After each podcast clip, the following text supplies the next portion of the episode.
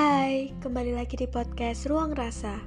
Kali ini sesuai dengan judulnya, aku akan bacain salah satu cerita dari pendengar podcast Ruang Rasa yang mana dia juga merupakan mahasiswa yang saat ini lagi bingung-bingungnya nih memulai hubungan di masa-masa kuliah khususnya. Dan kalau boleh jujur, aku tertarik banget buat ngangkat topik ini karena memang sedikit relate apa yang terjadi di diriku juga.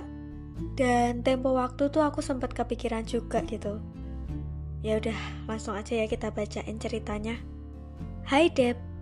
Aku mau cerita nih. Aku lagi bingung banget. Harus gimana? Jadi sekarang ini aku punya pacar. Dulunya sebelum kita deket dia sempat pacaran selama tiga tahun. Baru setelah selang satu tahun kita mulai deket dan PDKT Mungkin karena aku orangnya overthinkingan ya, jadinya aku sempat bingung gitu. Iyain gak ya? Terusin gak ya? Dia pacaran 3 tahun, masa iya move onnya cuma setahun? Jangan-jangan aku sebagai pelampiasan ya. Tapi yang namanya udah suka dan aku juga terlanjur nyaman, makanya aku memutuskan buat lanjut. Tapi yang namanya hubungan gak selalu mulus. Orang yang sudah menemaninya tiga tahun tentu saja nggak bakal bisa dilupain gitu aja. Secara kasarnya bahkan mungkin dia lebih tahu tentang pacarku daripada aku yang sekarang jadi pacarnya. Dan sekarang aku ada di fase yang mana aku merasa selalu salah. Dan dia yang udah terlalu capek menjelaskan.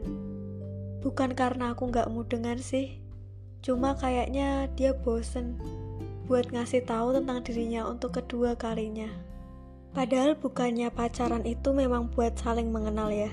Makin ke sini aku makin yakin kalau mungkin aku memang tempat pelampiasannya aja. Tapi kadang aku juga ragu, bisa jadi dia kayak gitu karena ada urusan pekerjaan. Duh, bingung. Saat ini yang aku bisa hanya bertahan. Bertahan sampai mungkin kalau misalnya dia nggak berubah lebih baik, dan mau mencoba untuk menerimaku, aku akan pergi. Kalau menurut kamu sendiri gimana, Deb? Thanks before. Have a nice day ya. Uh, bingung juga sih.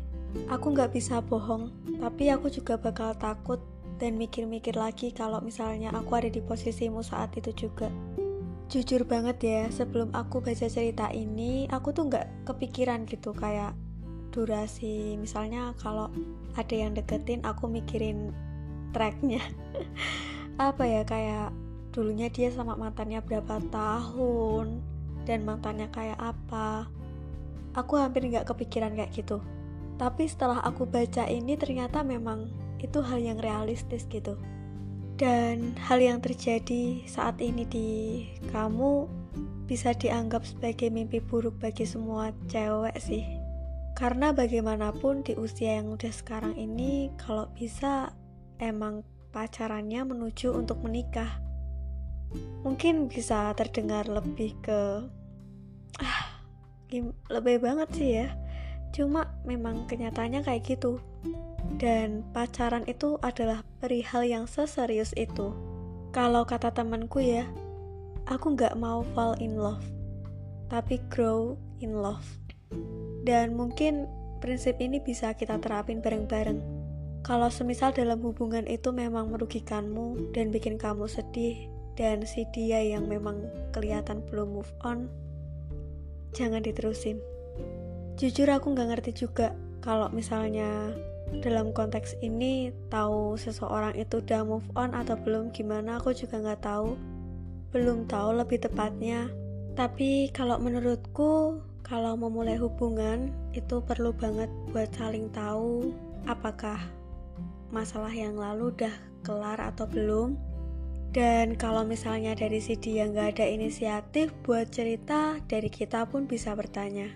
Cuma ya gimana ya? Kalau mau tanya pun pasti juga ada ketakutan atau ragu itu sendiri. Jadi yaitu bertahan dan jangan lupa buat introspeksi apakah memang itu karena kita yang gak peka dan memang benar-benar karena pekerjaan makanya dia capek dan sedikit acuh atau ya memang kemungkinan terburuk dia belum bisa move on.